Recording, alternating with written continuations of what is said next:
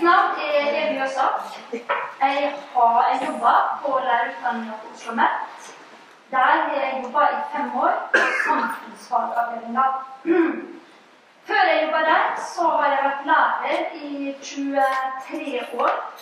Der jeg var lærer 10 år i ungdomsskolen og 13 år i videregående skole. Eh, så jeg kommer nok eh, Når jeg snakker, så snakker jeg fort om vi som lærere. For eh, jeg føler en sterk identitet som lærer. I ICCS-rapporten, som ble, eller undersøkelsen som ble gjort i 2016, som er en eh, internasjonal undersøkelse gjennomført i 24 land, der man skal teste demokratiforståelse, kunnskap og engasjement blant niendeklassinger. Der ble omtrent 6000 norske niendeklassinger spurt, og det ble utført blant 148 skoler. Lærerne på disse skolene ble spurt spørsmålet om hva de syntes var det viktigste man, eh, skolen skal drive med. Da svarte 80% av de spurte lærerne at det var opplæring av kritisk tenking. Så videre så ble lærerne spurt om de følte seg hvor godt de følte seg forberedt til å undervise i følgende tema, så da fikk de på en måte ulike tema. Og da svarte 90% at de følte seg svært kvalifisert til å undervise i kritisk tenking. Og av alle kategoriene de fikk oppramsa, så var faktisk kritisk tenking den tingen læreren følte seg best kvalifisert til å undervise i. Dette er jo positivt for fagfornyelsen hvis det her er representativt. For da er jo 90% av oss føler at vi har full kontroll på det her. Dette er mer betenkelig hvis det er slik at årsaken til at vi får sånne tall, er at man har en litt for smal forståelse av hva som ligger i begrepet kritisk tenking. Og vi har jo noen indikasjoner på at vi lærere kanskje har hatt litt lett for å sette en likhetstegn mellom kritisk tenking og kildekritikk. Hvorfor ble jeg opptatt av begrepet kritisk tenking? Jeg syns det er interessant et paradoks som ligger i læreplanene. Nå snakker jeg om de gamle læreplanene. Nemlig at på den ene sida så er vi lærere satt til å fremme positive holdninger til demokrati, til menneskerettigheter, mangfold, likestilling og bærekraftig utvikling. Og på den andre sida så skal vi fremme selvstendig, kritisk tenkende elever. Altså På den ene sida så har vi dette normative oppdraget, der vi faktisk skal føre liksom, dette skal vi være positive til. Og på den andre sida så skal de ha denne selvstendige, kritiske tilnærminga til stoffet. Er dette forenlig? spurte jeg meg sjøl. Eller er det et paradoks som ligger her? Jeg stupte inn i begrepet for å prøve å finne litt ut av dette her. Eh, og det som slo meg, det er jo egentlig det som Erik har bretta ut for dere her i dag. Det er et enormt komplekst begrep. Det har mange definisjoner, det har mange forståelser. Og det har også litt sånne konflikt i seg. Du har på den ene sida de som på en måte er veldig opptatt av kritisk tenking er knytta til den rasjonelle logikken, og på den andre sida de som har et danningsperspektiv på det. Ehm, det slo meg også at kritisk tenking er sterkt knytta til danningsbegrepet. Ehm, noe som for meg gjorde at det var litt lettere å forstå det. Og det var også slik at jeg forstår at hvis vi skal kunne imøtekomme de kravene som læreplanen stiller til oss, så må vi ha litt sånn breitolking på forståelsen for det begrepet her. Og da kommer jo det spørsmålet som vi lærere ofte stiller oss. Ok, nå har jeg lest masse teori, men hvordan omgjør jeg disse ordene til handling inn i klasserommet? Hva betyr dette her for meg som lærer? Eh, og for dere som ledere? Altså, hvordan skal vi få dette her inn i klasserommet? Jeg og min kollega Lisbeth Elvebakk begynte å lese norske fagpraktikere som vi på en måte tenkte at er klasseromsnære. Etter hvert som vi hadde lest noen norske, så begynte vi også å lese utenlandske. Eh, og så utforma vi et undervisningsopplegg på bakgrunn av det vi på en måte hadde lært av disse teoretikerne. Eh, og så fikk vi kontakt med en lærer, og så spurte vi kan vi på en måte komme til din skole og så gjennomføre dette opplegget vårt.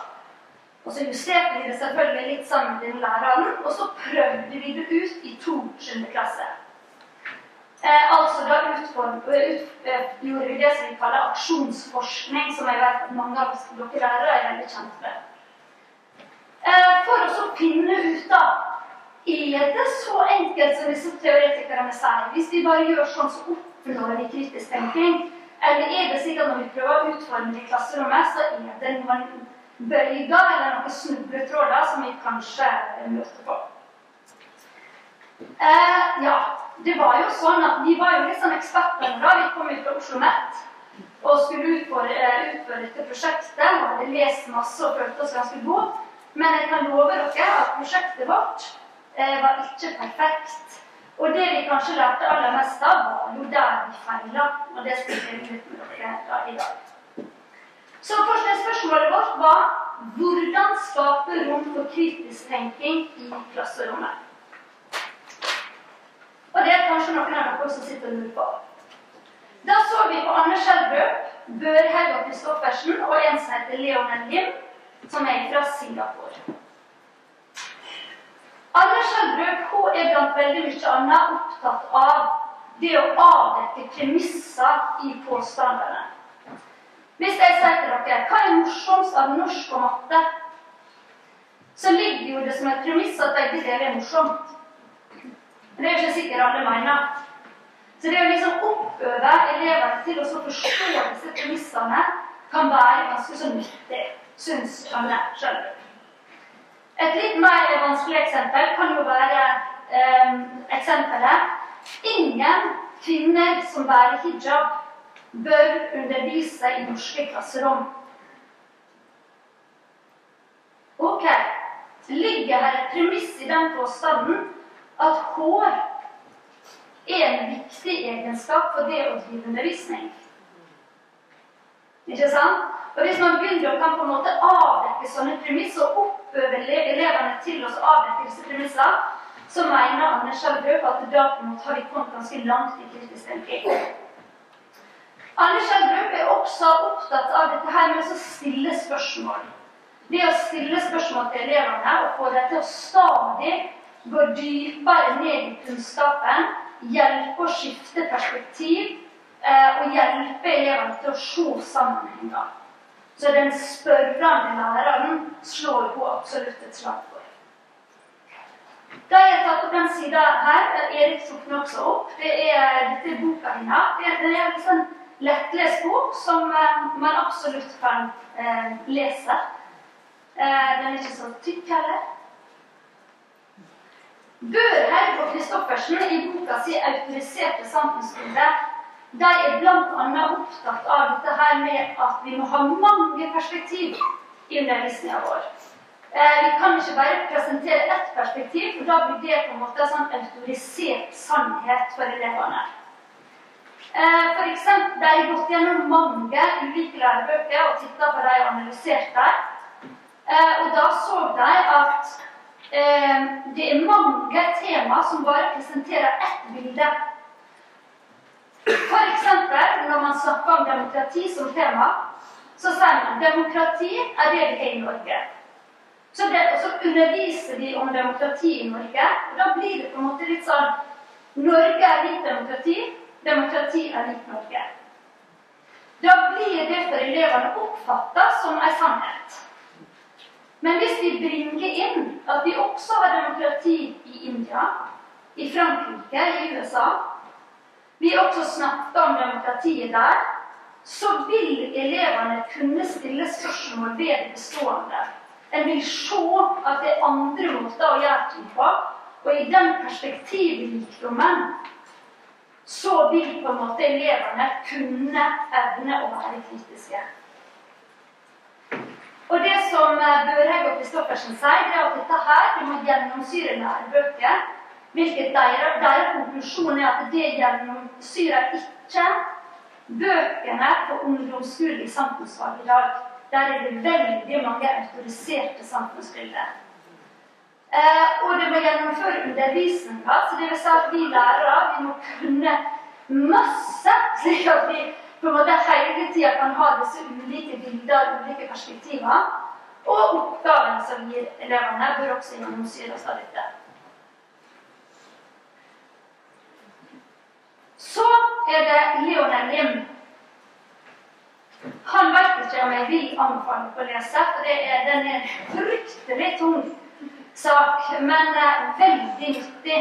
Fordi Leonel Lim er veldig opptatt av dette her med at kritisk tenking kan ikke ses på som en sånn eh, logisk, rasjonell eh, type tenking. Og der han advarer veldig mot at vi skal ha fag som heter kritisk tenking. Det har jo ikke vi i Norge, det har man i USA. Eh, han advarer også veldig da mot at vi, kommer, at vi får en skole nå der vi kommer til kapittelet kritisk tenking, og så jobber vi litt sånn med logisk argumentasjonsanalyser, så check, så er vi ferdig med kritisk tenking. For han sier at kritisk tenking det må ses i sammenheng med et innhold. Hvis ikke vi setter det i sammenheng med et innhold Vi må jo ha noe å tenke kritisk på. Vi kan ikke bare sitte og tenke kritisk. Og at det innholdet eh, det må alltid settes inn i en samfunnsmessig kontekst altså et samfunnsproblem, et historisk problem. Altså det kan være mange samfunnsmessige kontekster, men det skal inn i en kontekst. Og den konteksten må jo være kjent og forståelig for elevene. I innholdet og konteksten Er dere med meg? Det er litt sånn tungt, dette, det, men altså, vi har et innhold. Da snakker jeg ikke om et tema, jeg snakker om et innhold. Og i det innholdet og i den konteksten, der skal da elevene være klar over De skal ha fokus på å være klar over at i et samfunn så finnes det mange ulike maktrelasjoner. Det kan være lærer-elev, det kan være storting-regjering. Altså at I samfunnet vårt er det mye makt som er med på å definere. De skal også være veldig bevisst på at de sjøl står i en sammenheng med andre.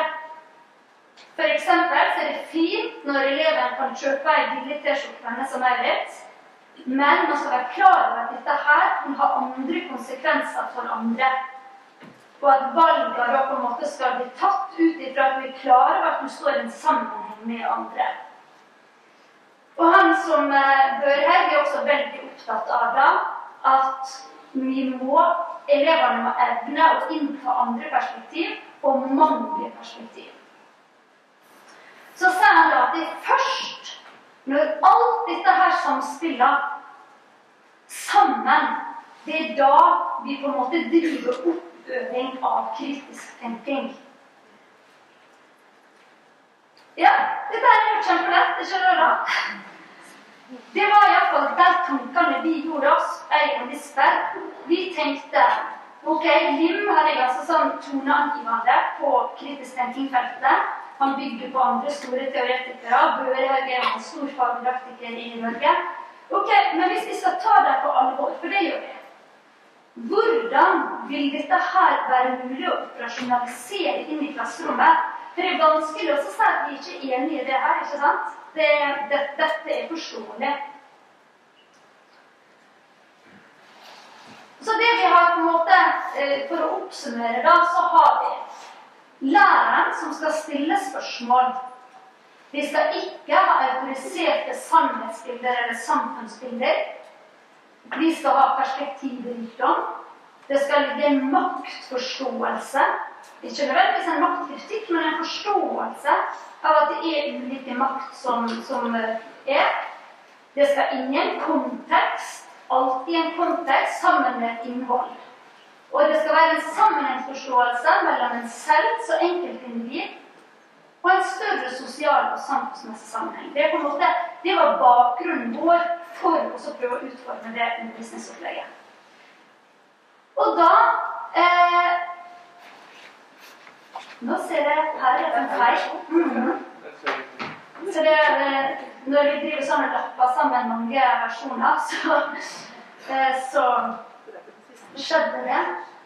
Eh, men jeg vet oppgaven likevel. Det som dere nå skal gjøre, det er at dere skal snakke litt sammen, og så prøve å operasjonalisere dette sjøl.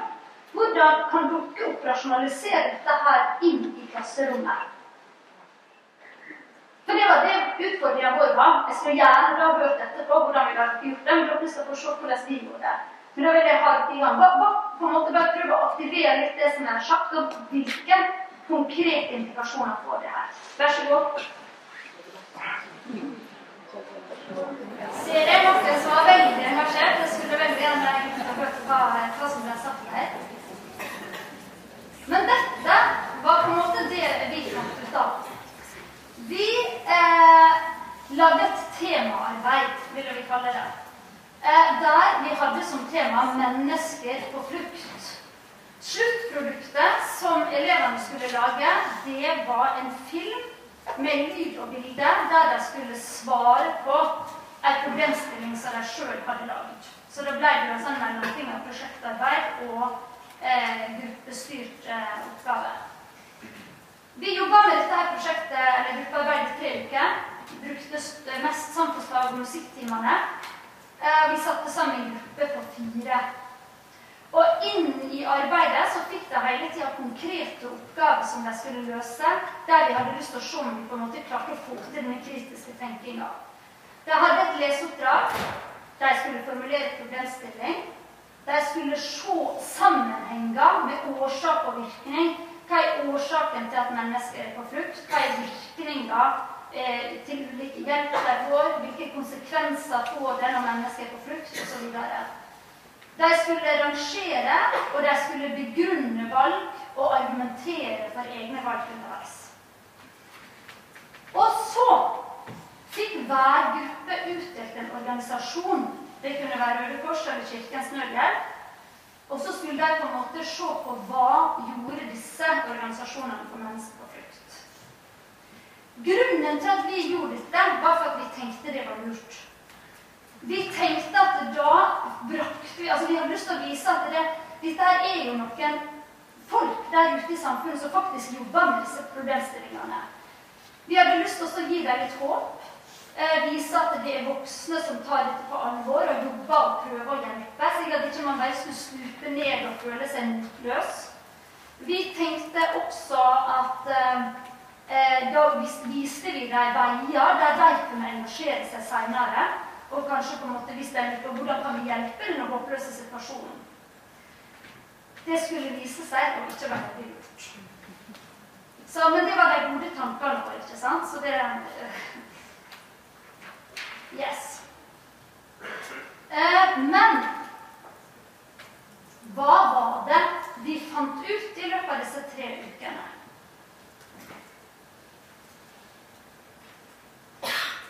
Det å formulere problemstilling, det viste seg forbausende gode resultat. Jeg vet at det sitter ikke én person i dette rommet her som ikke har bedt elevene jobbe med problemstillinger. Så det er ikke sånn at jeg står her og tror at jeg presenterer noe revolusjonerende for dere med at dere må begynne å lage problemstillinger. Jeg har bare likevel lyst til å på en måte knytte det opp til disse teoretikerne og kritisk tenking. Eh, disse her eh, eksemplene som elevene lagde. Hvordan velger organisasjonene hvem de skal hjelpe? Kommer penger egentlig frem til de som trenger hjelp, og hvordan? Hvorfor får de ikke penger av staten for arbeidet de gjør? Hvordan ville Amnesty ha klart å hjelpe under tredje verdenskrig? Hvor, hvorfor velger Leger uten grenser å hjelpe onde mennesker? Da tenkte de på at de også hjelper IS, f.eks., hvis de trenger det. Hvorfor jobber Amnesty internasjonalt mot dødsstraff? Hva gjør egentlig Kirkens Nødhjelp inne i flyktningleirene? Dette her var noen av problemstillingene som kom opp. Det vi så, det var jo at når gruppene diskuterte problemstillingene, så måtte de velge. De på en måte hadde mange problemstillinger, og så skulle de velge ei. Mange gode diskusjoner da. Vi ser jo at for å kunne lage disse problemstillingene her, så har elevene aktivisert veldig mye forkunnskap. Er dere enige? Ikke sant? Bare dette her med eh, hvordan vil Amnesty ha klart å hjelpe under tredje verdenskrig? De vet at det er vår første og andre verdenskrig. De vet nødvendigvis at der var det menneskerettighetsbrudd. Eh, og de vet at Amnesty jobber med menneskerettighetsbrudd. Det ligger mye aktivering av forkunnskap. Videre så eh, skal de på en måte ta alt det stoffet, sentrere det og lage et spørsmål som du ikke kan svare ja nei på. Og så skal læreren godkjenne det, og da skjer det også en god interaksjon med læreren. Eh, det er mest vanlig å be elevene lage problemstilling når vi jobber med prosjektarbeid. Men jeg tenker, og i diskusjon med læreren vi jobber med, at det, her bør vi bruke dette mye mer aktivt. Av og til har lærere behov for å ha lærerstyrte gruppearbeid. Eh, der vi gir problemstillinger. Men allikevel burde man kanskje i forkant be elevene jobbe ut problemstillinger. Og så gir vi problemstillinger. Kanskje skulle vi være mye flinkere når vi jobber med et tema, oppstart av et tema, bare et innhold vi har i klasserommet. Stopp opp og si OK, vi skal jobbe fram problemstillinger. For i prosessen med å lage problemstillinger så skjer det mye av det Leon Lim og eh, Børhaug og Anne Skjelbrød er ute etter i kritisk tenking. Og så fant vi da at når læreren er i samtale med elevene, det er da virkelig den kritiske tenkinga skjer. Eh, her har vi da eh, et eksempel. Er dere for dødsstraff, spør læreren. Nei, det er å bryte menneskerettigheter, svarer gruppen. Er det andre grunner for at dere er imot dødsstraff, spør læreren. Det er ikke riktig å drepe noen. Noen, sier en elev. De andre er stille. Så presenterer læreren et scenario der en person dreper moren og alle søstrene deres, og spør om de fortsatt mener at denne personen skal leve videre. Alle elevene på gruppa skifter dermed standpunkt og blir for dødsstraff. Læreren presenterer så nye standpunkt som er motstand mot dødsstraff, og begrunner dette med at bevis kan tolkes feil, ny teknologi kan komme inn, og fordi ingen mennesker kan bestemme over liv og død. Dette starter en diskusjon i gruppa, og så, etterpå, så kommer de fram til at konklusjonen er at de er imot dødsstraff. Men her ser vi at de får samme konklusjon som de har i starten. Men nå er konklusjonen begrunna. Nå er ikke dette her bare noe de føler eller mener. Nå har de en argumentert begrunnelse. Her ser vi på en måte den kritisk tenkende læreren som ikke presenterer et autorisert sannhetsbilde. En lærer som evner å møte elevene og som være med på å sette inn nye argument, og som bringer på en måte gjennom spørsmål prosessen videre. Hvorfor er det jeg syns dette eksempelet er så spennende og så bra? Jo, nå er jeg tilbake til Lim. Ikke sant? Her har vi eh, I starten så er spørsmålet er dere for eller imot dødsstraff er helt uten kontekst. Er dere enige? Og da er det vanskelig å svare på det her. Så blir det satt i en kontekst, altså inn i deres familie. Nå er det plutselig blitt et innhold og en kontekst som elevene klarer å forbinde seg med. Og dette er akkurat det Lim snakka om. Det er først når vi er i det innholdet og den konteksten, vi kan begynne å bevege perspektiver. Det er da vi kan få til denne kritiske tenkinga. For nå er de forbundet med det. Her kunne vi gått mye videre også. Vi kunne f.eks. skifta kontekst. Dratt dem med til Syria, vi kunne dratt inn makt. Her kunne vi på en måte tatt det videre. Den kritisk tenkende læreren i dialog med elevene, som beveger elevene med kunnskap. Dra det med videre. Her kan vi også tenke oss at vi helt kunne gjort det som Lim advarer oss mot. Ren argumentasjonsanalyse. I loven står det at ingen skal ta liv. Dødsstraff er å ta liv. Ergo kan man ikke ha dødsstraff. Ikke sant? For da får vi et helt annet kommer vi på kritisk tenking. Eller vi er jo på kritisk tenking, men da er ikke vi satt inn i et innhold og en kontekst.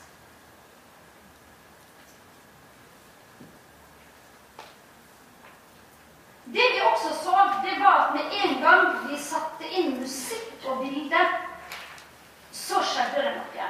Elevene skulle sette inn bilde, og diskusjonen gikk livlig. Hvilken bilde skal vi ha? Skal vi ha glade eller triste personer? Eh, noen med at vi må ha glade personer, for de får jo hjelp. Ja, men det må være triste og på flukt. Når de begynte å skulle sette til musikk, så plutselig det men hør på teksten, da. Vi kan ikke ha den sangen, vi må ha den sangen.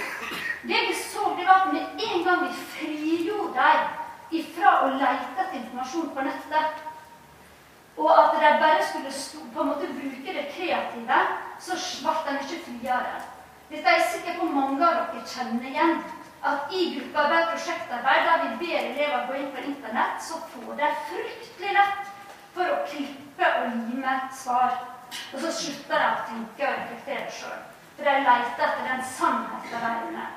Så det dette her fortalte oss, det er at vi altså kanskje i større grad skal bringe inn på en måte praktiske, estetiske fag i arbeidet med kritisk tenking. Her er jeg med en kollega som tar tommelen opp, som jobber i drama, og er veldig opptatt av den koblinga der. For det er klart at kritisk tenking det handler jo om kreativitet. Vi skal ruste elevene våre til å bli kritisk tenkende vesen som gjør at i framtida når de står overfor et problem der de har ingen fasit. De har ikke akkurat løsninga på dette her. Kanskje de har en stillingsinstruks fra sjefen sin, men saken er at det står ikke om akkurat det. Så vil den evne til kritisk tenkning gjøre at man klarer å tenke en logisk, god løsning.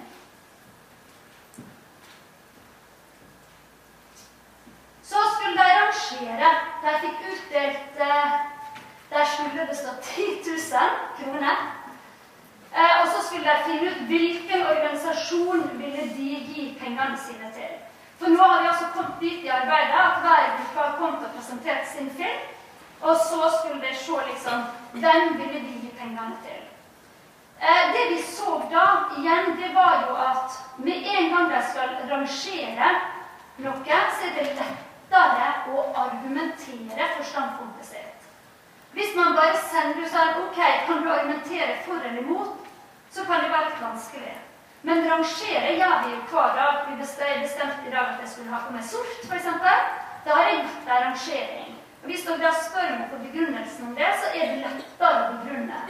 Så vi så, og der har vi mange fagdidaktikere i ryggen, bl.a. så har Mikkelsen og Sætrøm skrevet mye om dette her, om at rangering er en god metode for å lette og hjelpe elevene til å argumentere.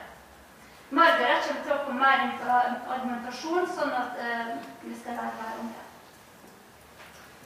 Men så kommer vi på en måte til dette her med tro på egen refleksjon. Men, eh, Anne Schjelderup sier at den største trusselen mot å lære er elevene sin tro på at vi lærere og vi voksne har det riktige svaret. Og det er kanskje også en trussel mot kritisk tenking. Da er vi tilbake til dette med de autoriserte samfunnsbildet. Og det vi ser, det er jo at med en gang en skal på en måte få et papir eller nettet, så leter de først etter rett svar. Vi prøvde å tvinge dem over til liksom, ikke til hva-kunnskap, men hvorfor for og hvordan er dette her skjer. For å få det liksom inn i og Hvordan jobber de flyktningene i Hvorfor gjør de det? Men det vi så likevel ah, Da lette de. Hvor finner vi svaret? Klikk og hiv. Eh, da tenker jeg at her er det eh, viktig at vi kanskje snakker med elevene om dette her på et metaperspektiv. Hva er forskjellen på hva mener du eget begrunn, et eget begrunnet argument. Der som bygger på perspektivmangfold, som bygger på forståelse av maktrelasjoner osv. Som sagt, altså kommer Margaret tilbake til det rett etter meg. Og kanskje en skole der vi har hatt masse kompetansemål, masse fag som vi på en måte skulle ha lært elevene. Så har vi blitt for opptatt av bakkunnskap, og det har gått på bekostning av denne troa på Og da snakker jeg ikke om egen mening, men jeg snakker om disse egne velbegrunnede refleksjonene. Og da er det jo sånn at veldig ofte når vi snakker om kritisk tenking, læring, så har vi en sånn veldig tro på at hvis vi bare setter det ut til elevene gjennom prosjektarbeid, gruppearbeid, eh, nysgjerrighet, bare elevene får gjøre, da skjer det. Og jeg står ikke her og sier at jeg ikke har tro på prosjektarbeid, og utforskende læring.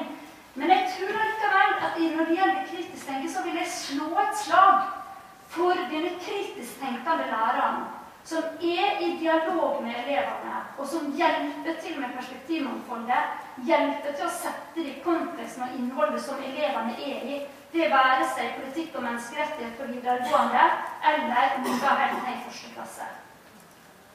Eh, for eh, ja, jeg tror det samspillet der eh, er kjempeviktig. Men også tekster som har i seg det her kan gjerne være gode tekster som har den perspektivmangfoldet også. Men det er ikke gitt, eller vi så i vår forskning, det er ikke gitt at bare du sier 'utforsker Norges metode', sett i gang elevene, så skjer kritisk tenking. Der tar snarveien. Marte Blikstad Ballas har skrevet mye om dette her i forhold til videregående skole, for borda der borte. Ikke sant? Det som også Halvard Stark kaller for pseudoskriving, der man klipper og limer eh, og kopierer. Kanskje i redsel for at det jeg sjøl reflekterer, ikke har noen verdi. Jeg ser folk nikker. Det er godt. godt at. Så hva lærte vi? Vi lærte at eh, Eller vi tenkte jo at temaet mennesker på flukt skulle være noe som elevene forbandt seg med. Men så drepte vi hele prosjektet vårt idet vi brakte inn disse organisasjonene. Og den så ikke vi, altså. Men jeg kan tenke meg at noen av dere kanskje allerede tenkte sånn at det så lurt da, når jeg presenterte det. For det som skjedde da, det var at vi brakte inn et autorisert bilde, sannhetsbilde, eller sannhetsbilde.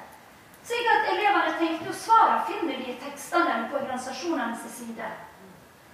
Vi brøt også forbindelsen mellom temaet mennesker på flukt, som kunne vært et innhold som de kunne relatere seg til, med en vegg av organisasjon. Hvor mange syns det er kjempegøy i 7. klasse sitte og lese om Kirkens nødder? Ikke sant? Så det vi lærte, det var jo nettopp hvor utrolig viktig er når en jobber med kritisk tenking, at det har et innhold og en kontekst som elevene er forbundet med. For det er først da de kan begynne å bringe inn nye perspektiv, nytt, dette maktforholdet, og få dem til å forstå at de er i en større sammenheng. Vi utelot jo helt maktperspektiv i vår oppgave. Det er jo kjempeviktig og spennende når vi snakker om mennesker på flukt. Hvem er det som flykter? Hvorfor flykter de? Og så videre. Men det er jo spennende. En lærer jo av disse feilene her. Og, og det, når dere skal ut og gjøre det, så vil dere også prøve å feile. Men vi fant jo ut noe. For vi fant jo ut noen verktøy som vi på en måte kan ta med oss videre. At det å lage og formulere problemstillinger bør vi kanskje gjøre mye mer aktivt i klasserommet. Rangere er et godt instrument for å få elevene til å begrunne på en naturlig måte. Trekk inn bilde, lyd i kreativ tenking. Jobbe konkret med kildekritikk og argumentasjon. Det er superviktig.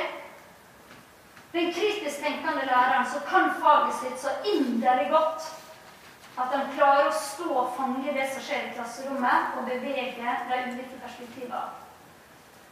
Ja, og det og med makt og kontekst, som jeg har vært inne på. For hva er målet med kritisk? I tillegg til alt Erik og Kirsti har sagt i dag. Men det er jo å få elevene til å kunne stille spørsmål til det bestående For å kunne se nye løsninger inn i tida. Og det er et viktig poeng som jeg vil at alle skal se. Alle fagdidaktikere jeg har referert til i dag, og teoretikere, sier at dette tar tid. Det er ikke gjort på tre uker. Det er ikke gjort på, på, på ett årstrinn. Dette må vi begynne å jobbe med i første klasse, og så må vi jobbe med det helt ut i tredje klasse. Og det er kanskje først på videregående skole hele den pakka til LIM virkelig er automatisert. Men det er også viktig at vi ikke starter i 7. klasse. Barn Jeg er helt sikker på at eh, førsteklassinger kan evne f.eks.